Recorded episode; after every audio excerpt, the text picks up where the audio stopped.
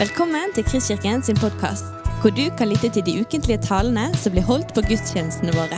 Vi håper denne podkasten vil inspirere og utfordre deg til å kjenne Gud, elske mennesker og tjene vår verden.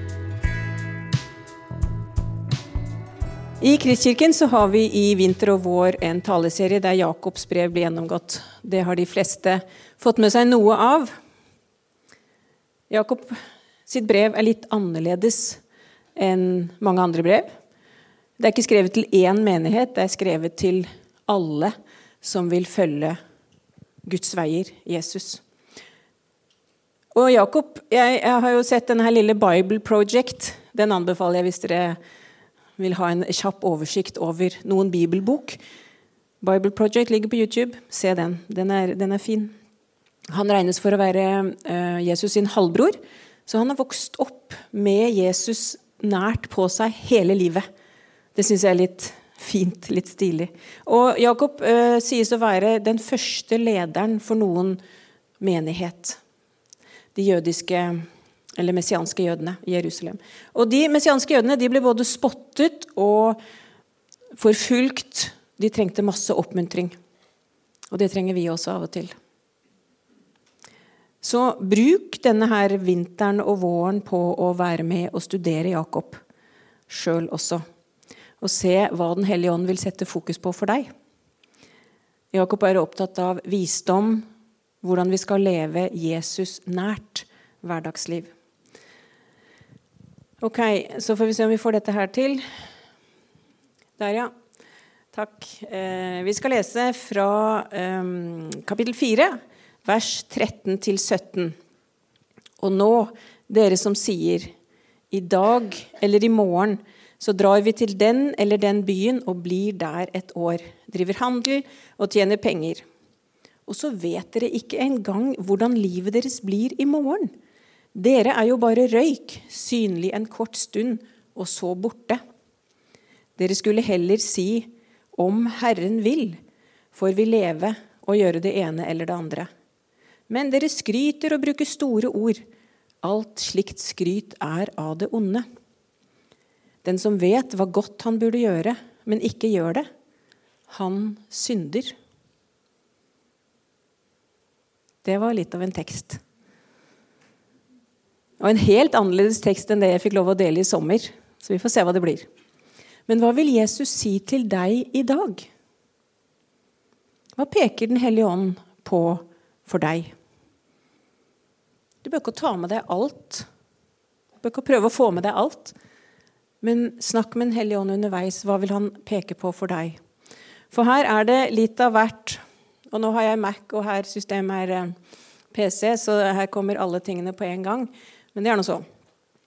Her står det litt i teksten om penger, om å lage planer, vår stilling innenfor Gud, tillit til Gud. Og vi kan si hvem er Gud, og hvem er vi? Eller som Jeg var også med på Grimrud, og vi snakket der om hvordan er Gud? Skryt. Det onde. Om å gjøre godt og om å synde. Det er en tekst som Det nytter jo ikke å gå inn alle de dørene der og preke om alt. Og For å lage en liten struktur, da Så når jeg drev og forberedte meg, så um, jeg liker å ha det litt ryddig, ikke sant? Og, eh, så jeg lagde to P-er og to T-er. Penger, planer, tillit og tronen. Men når jeg drev og forberedte meg, så måtte jeg gjøre om på alt det der. Jeg måtte begynne med tronen. Jeg måtte, jeg måtte forandre det. Og når jeg kom på Grimerud, så eh, var det fint at jeg hadde gjort. Fordi der også fikk vi mye om tronen, sånn jeg opplevde det da. Så et litt sånn stort og krevende spørsmål her i begynnelsen. Hvem sitter på tronen i ditt liv? Hvem sitter på tronen i ditt liv? Tronen, det er jo der Gud sitter. Det er hans plass. Holdt på å si, Det skal i hvert fall være det. Ikke vi sjøl. Men det kan hende at vi, uten egentlig å vite det, ikke bevisst selvfølgelig, på en måte tilber oss sjøl eller andre mennesker. Våre prosjekter skal redde oss. Våre penger, våre planer, vår innsats, vår makt, vår posisjon. Det vi jobber for, det vi får til.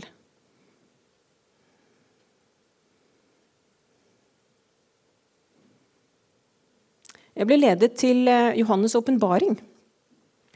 Han tegner et veldig tydelig bilde av tronen, tronrommet.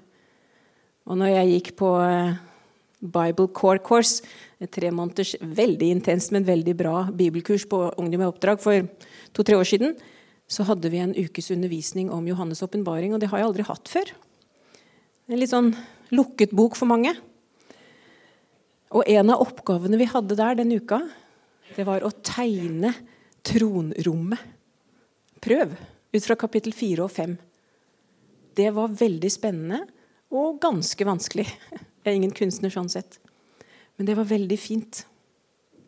Og så hørte jeg da nylig, eller for noen måneder siden nå, at den sindige presten i Lom, Hans Johan Sagrusten, med fantastisk lomsdialekt, har skrevet en bok, 'Johannes' åpenbæring'. Og Jeg ønsket meg den, og fikk den, og funnet masse skatter der. Han skriver på Loms dialekt, nynorsk, og jeg har tatt med flere avsnitt derifra. Jeg hopper midt inn i noe her, da. Det gir litt sammenheng eh, etter hvert. Han sier at vi ikke skal være så opptatt av å måle og veie. Vi skal bruke Guds målestav, sier han der et eller annet sted. Så sier Sagrusten Hvis vi ikke skal være så opptekne av å telje og registrere Og jeg kan jo legge til, ut fra teksten, lage planer og lage våre egne ting og måle hvor mye penger vi har og makt. Hvis vi ikke skal være så opptekne av å telje og registrere, hva skal vi gjøre i staden? spør han og svarer. Åpenbæringa løfter blikket vårt mot tilbedinga rundt Guds trone i himmelen. Som det står der alt får sin rette plass når sentrum blir tydelig, sier Johan eh, hva den heter, Unnskyld meg, Hans Johan Sagrusten.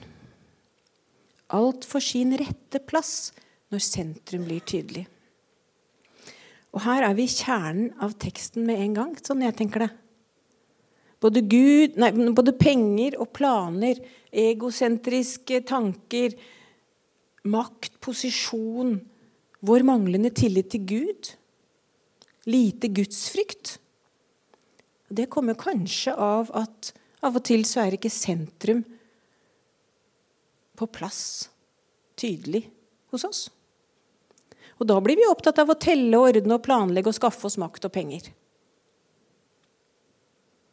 Motgiften er å vende blikket mot Gud, mot Guds trone. Og sånn vokser også tilliten til Han. Når vi ser hvor stor og mektig Han er. Vi ser hvor flott Han er. Et avsnitt til som jeg ble så grepet av. Jeg måtte lese det for Husfellesskapet like etter jul. For å unnskylde min eh, østlandsk bokmål-nynorsk. Kapittel 4 og 5 sier Sagrusten, kapittel 4 og 5 i åpenbæringa står som et motsvar til sekulariseringa. Ikke ved å argumentere for at det fins en gud. Ikke ved å gå inn i en diskusjon med den sekulære verden men ved å formidle et enkelt syn. Synet av ei trone i himmelen. Åpenbæringa går vår tids ateisme i møte væpna med denne ene vidunderlige setninga. Og det sat ein på trona. På Johannes sin tid fantes det knapt noen ateisme. Spørsmålet i antikken var hvor mange guder det fantes, ikke om himmelen var tom. Det er et spørsmål som hører vår tid til. Det sat ein på trona er derfor ei sanning som taler rett inn i vår tid, inn i vår sekulariserte vær, sier Sagrusten. Og min parentes kan da være at sekulariseringa kanskje også kan beskrives som å ikke ha tillit til Gud.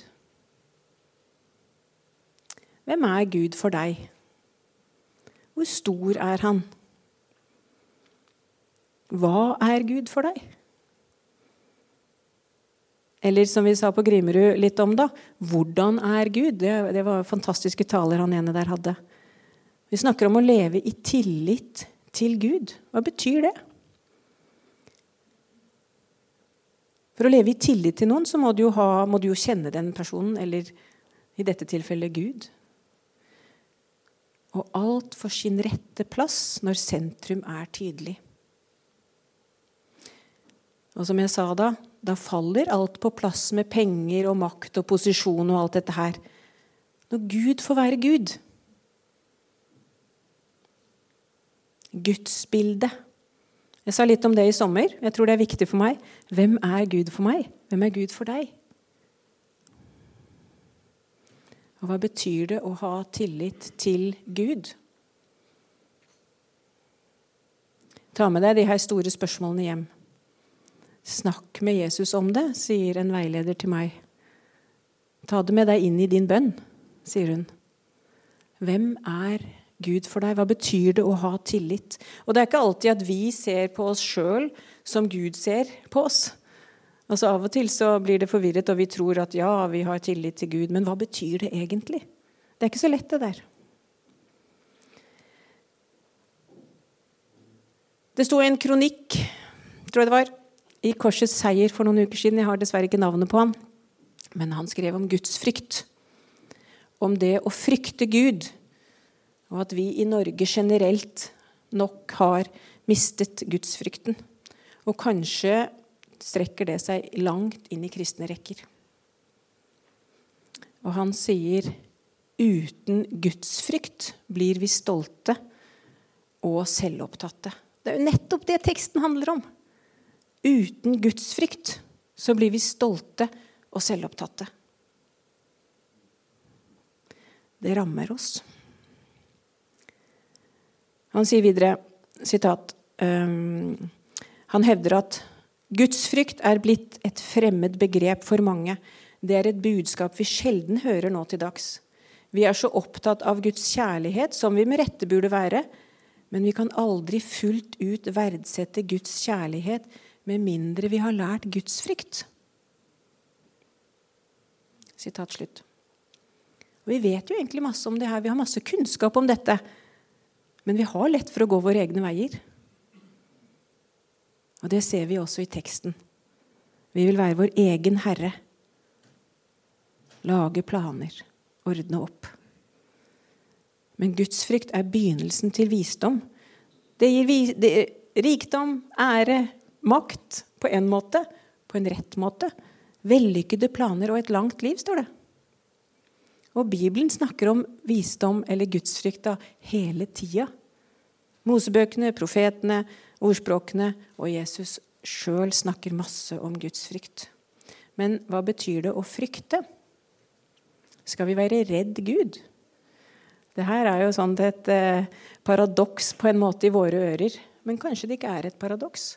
For Gud rommer så veldig mye. Han er mye, mye større, mye annerledes enn oss. Han er ikke bare det ene eller det andre. Jesus sier jo til og med i Nye testament, i nye pakt, at vi skal ikke være redd mennesker som bare kan drepe kroppen. Det kan jo vi være veldig redd. Men at vi heller skal frykte Gud, som også kan drepe sjelen å kaste både kropp og sjel i helvete. Det er ganske voldsomt, og vi er på en måte liksom ikke der. Det er litt sånn Å, nei, det er ikke for Skal jeg, et moderne menneske, tro på det? Det står i Bibelen. For Gud er både heftig fryktinngytende og mild. Jesaja 57 er det vel. Han bor i det høye og hellige og hos den som er knust og nedbøyd. Han rommer så mye. Mye mer enn vi egentlig kan forstå. Og Samtidig som jeg forberedte denne prekenen, her, da, så leser jeg tilfeldigvis om Narnia. De fire ungene som går gjennom eh, klesskapet der og finner den andre, andre virkeligheten. Klassikeren skrevet av C.S. Lewis. Mange har lest den. Og nå har disse ungene kommet til herr og fru Bever. Og de skal gå til Aslan, løven, Narnias bilde på Jesus. Og det er noen setninger akkurat der som jeg må lese. De er så godt formulert, og det handler om gudsfrykt. Jeg tok det opp her, ehm, for det er altså herr Bever som snakker først. Det var litt smått, det kanskje? Nei, det går bra. Aslan er en løve. Løven. Den mektige løven. Å, sa Susan. Jeg trodde han var et menneske. Er han øh, helt ufarlig? Jeg kommer til å bli ganske nervøs når jeg skal møte en løve. Det vil du sikkert bli, kjære deg. Det er ikke noe galt i det, sa fru Bever. Hvis det er noen som kan tre fram for Aslan uten at knærne skjelver, er de enten modigere enn de fleste, eller så er de bare tåpelige.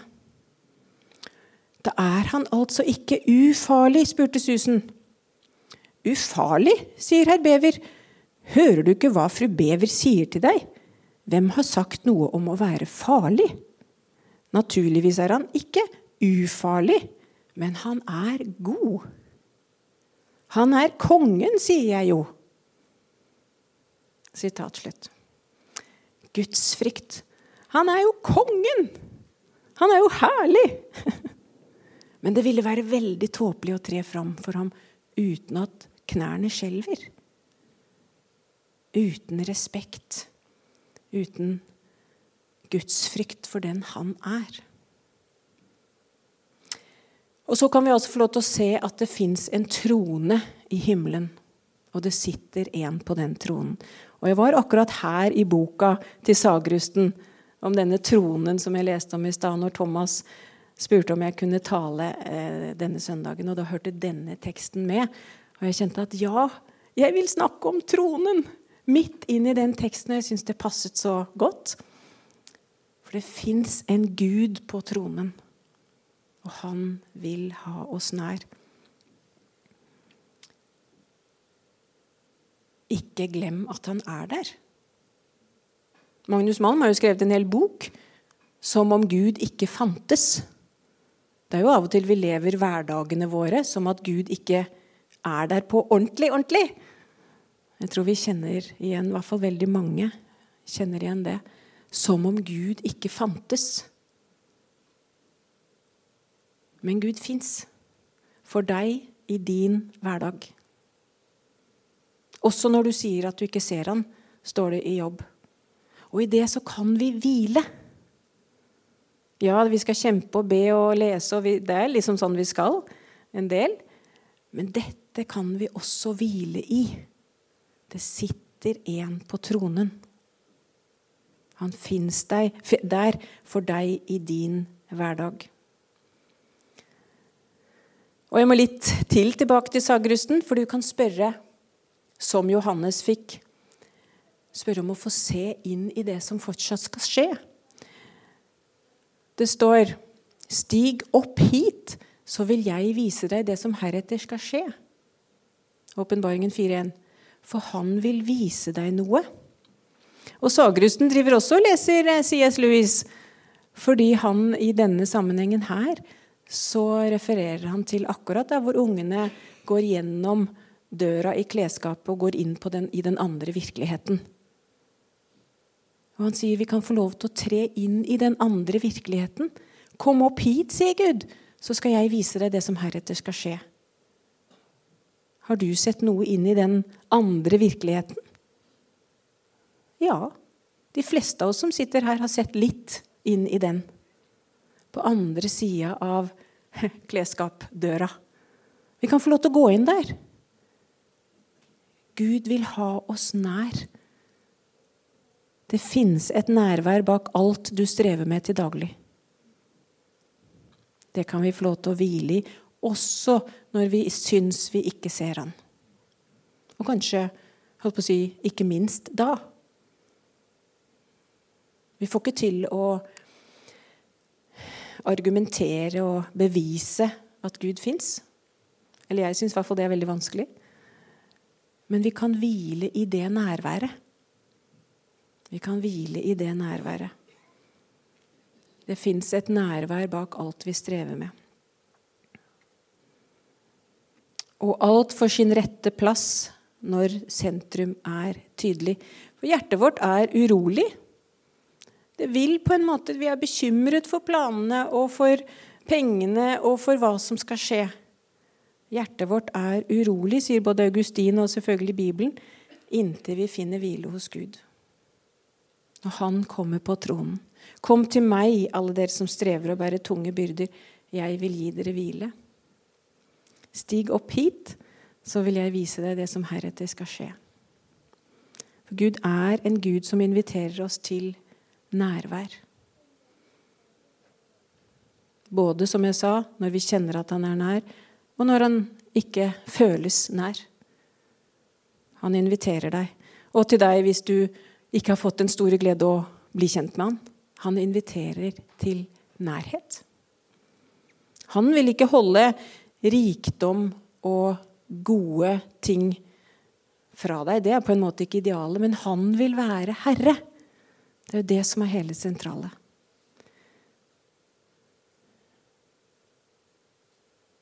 Jeg må si litt om penger konkret til slutt. Selv om det måtte komme liksom etter tronen og det med tillit. Men det går jo på det samme. Jeg fant et nettsted, for det var jo dette jeg begynte med, og der fant jeg et nettsted som var 2500 vers om penger og økonomi i Bibelen. Norsk Luthers Misjonssamband hevder det. Og jeg vil tro det er en trygg kilde. Jeg har ikke lest det, men jeg har lest Bibelen. Men altså 2500 vers om penger og økonomi. Forvaltning av penger. Det er jo et svært tema i Bibelen. Og det ligger akkurat i det samme. Hvem setter du din tillit til, eller har du tillit til? Hvem sitter på tronen? Jeg må lese noen vers. Her kommer jo alle på en gang, men sånn får det være. Jeremia 9. Så sier Herren. Den vise skal ikke rose seg av sin visdom, den sterke ikke av sin styrke, den rike ikke av sin rikdom. Men den som vil rose seg, skal rose seg av dette, at han har forstand og kjenner meg. Vet at jeg er Herren, som viser miskunn og øver rett og rettferd på jorden. For det er slik jeg vil ha det. Det er det. Det er sånn det skal være. Det er rekkefølgen. Og Det oppsummerer egentlig alt jeg vil si om penger. Men jeg skal lese de andre versene som står der også. Sett ikke ditt håp til den usikre rikdommen, men til Gud. Ikke sant? Det er jo dette jeg har sagt i hele dag. Det er Gud som skal være Gud. Men til Gud står det, 1. Tim 6, 17, Han som gir rikelig for at vi skal nyte det. Det er jo litt av et vers. Han vil ikke holde det gode unna oss. Det er jo ikke idealet. Men pengegriskhet, det er en avgudsdyrkelse. Sett ikke din lit til rikdom. Da vil du falle. Og det siste der, 1. Tim 6, 17. Sett ikke ditt håp til den usikre rikdommen. Nei, det leste jeg jo. Gjorde ikke det? Ja, Men se på det der. Andre kor 9, 8. Gud er den som makter å gi dere all sin gave i rikt mål. Så dere alltid og under alle forhold har nok av alt, ja, overflod til all god gjerning. Det er litt av et vers. Vi skulle kunnet det utenat. Alle de alt og alle, i alle situasjoner, vil Gud gi oss nok. Og når rikdommen vokser, så skal ikke hjertet feste seg til rikdommen.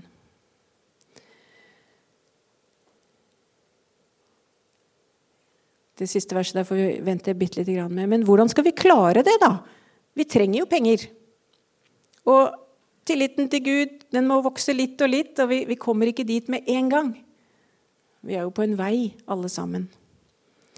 Og jeg husker eh, Reidar eh, Paulsen han forkynte ganske mye om penger og det å gi. Tiende lærte veldig mye av han. For ett triks, sånn at hjertet vårt ikke skal feste seg til penger, det er å gi. Gi tienden. Minst. Malaki 3,10 kjenner vi kanskje ganske godt. Gi hele tienden inn til Gud. så skal han øse utover deg.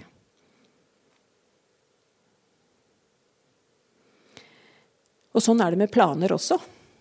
Det er ikke planene i seg sjøl som er så farlig, men det er hvis de kommer på en måte i fokus. Som det siste verset der oppe ser, eh, sier. Salme 37, 5. Legg din vei i Herrens hånd. Stol på ham. Så griper han inn.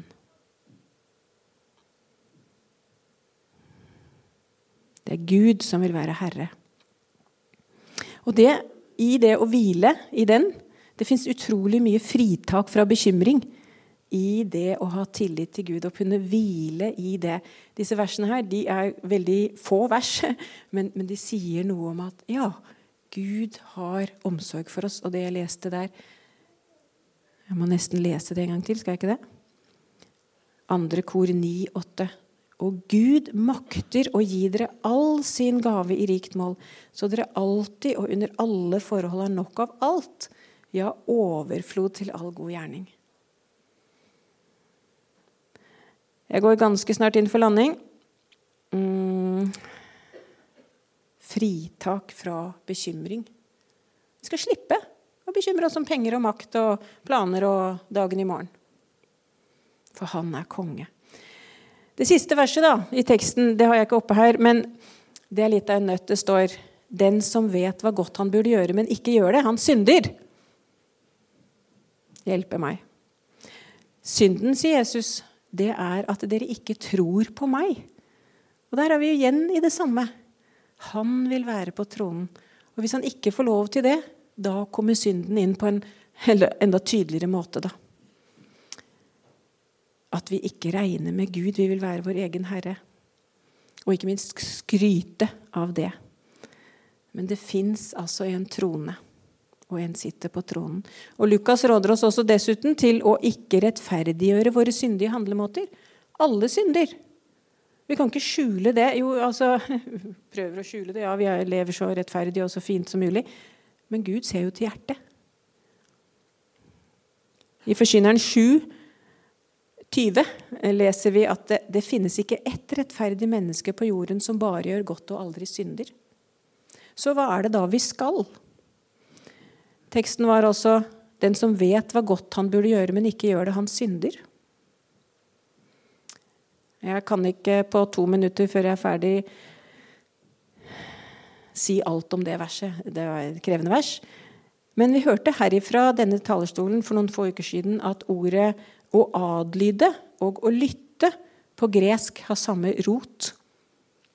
Det syns jeg var veldig interessant, for det kan føre tankene over til at om vi lytter, så kan vi få en sterk veiledning på hva vi skal adlyde. Ikke sant? Og Så kommer jeg med en litt sånn pussig, kanskje, parallell helt mot slutten. Jeg skal si to ting til, forresten. Men den gode Sagrusten denne parallellen ga i hvert fall mening for meg. Han skriver altså på nynorsk.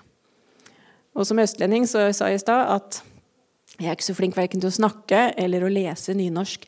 Så jeg, ikke, jeg var litt skeptisk til å lese denne boka, for den er jo på nynorsk. Men så hadde jeg hørt, hadde hørt han. Hadde hørt stemmen hans. Og den var så god å høre på. Så jeg hadde lyst til å lese den.